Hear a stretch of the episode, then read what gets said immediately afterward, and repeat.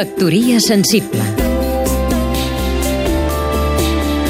Ignasi Vidal Folk, escriptor i periodista cultural. Sovint es diu que llegir novel·les no ofereix beneficis quantificables, no se'n treu res.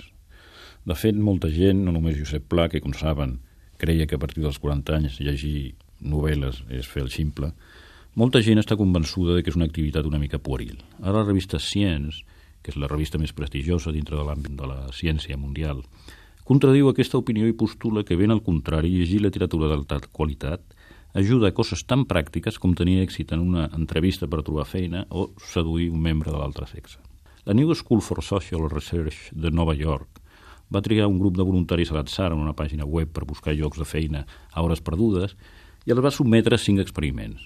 A alguns se'ls va fer llegir algunes pàgines d'alta literatura, a d'altres pàgines de bestsellers. A un tercer grup un assaig de la revista Smithsonian que es diu Com el descobriment de la patata va canviar el món.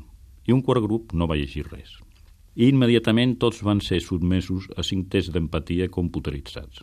Els resultats dels cinc són idèntics i mostren clarament, diu la prestigiosa revista, que llegir ficció literària millora a curt termini de forma immediata i temporal la capacitat de discernir l'estat mental del proisme, fins i tot com en el cas de diversos dels lectors de Don DeLillo, a un no li agrada aquest tipus de lectura.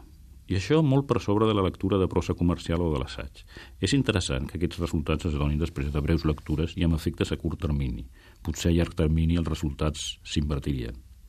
I és una única paradoxa que l'afany de subjectes tan narcisistes i egocèntrics com solen ser els escriptors de novel·les, en això només superats, crec jo, per els artistes plàstics i els actors, provoqui en els lectors l'efecte invers, una millora immediata i mesurable de la intel·ligència emocional. Factoria sensible Seguim-nos també a catradio.cat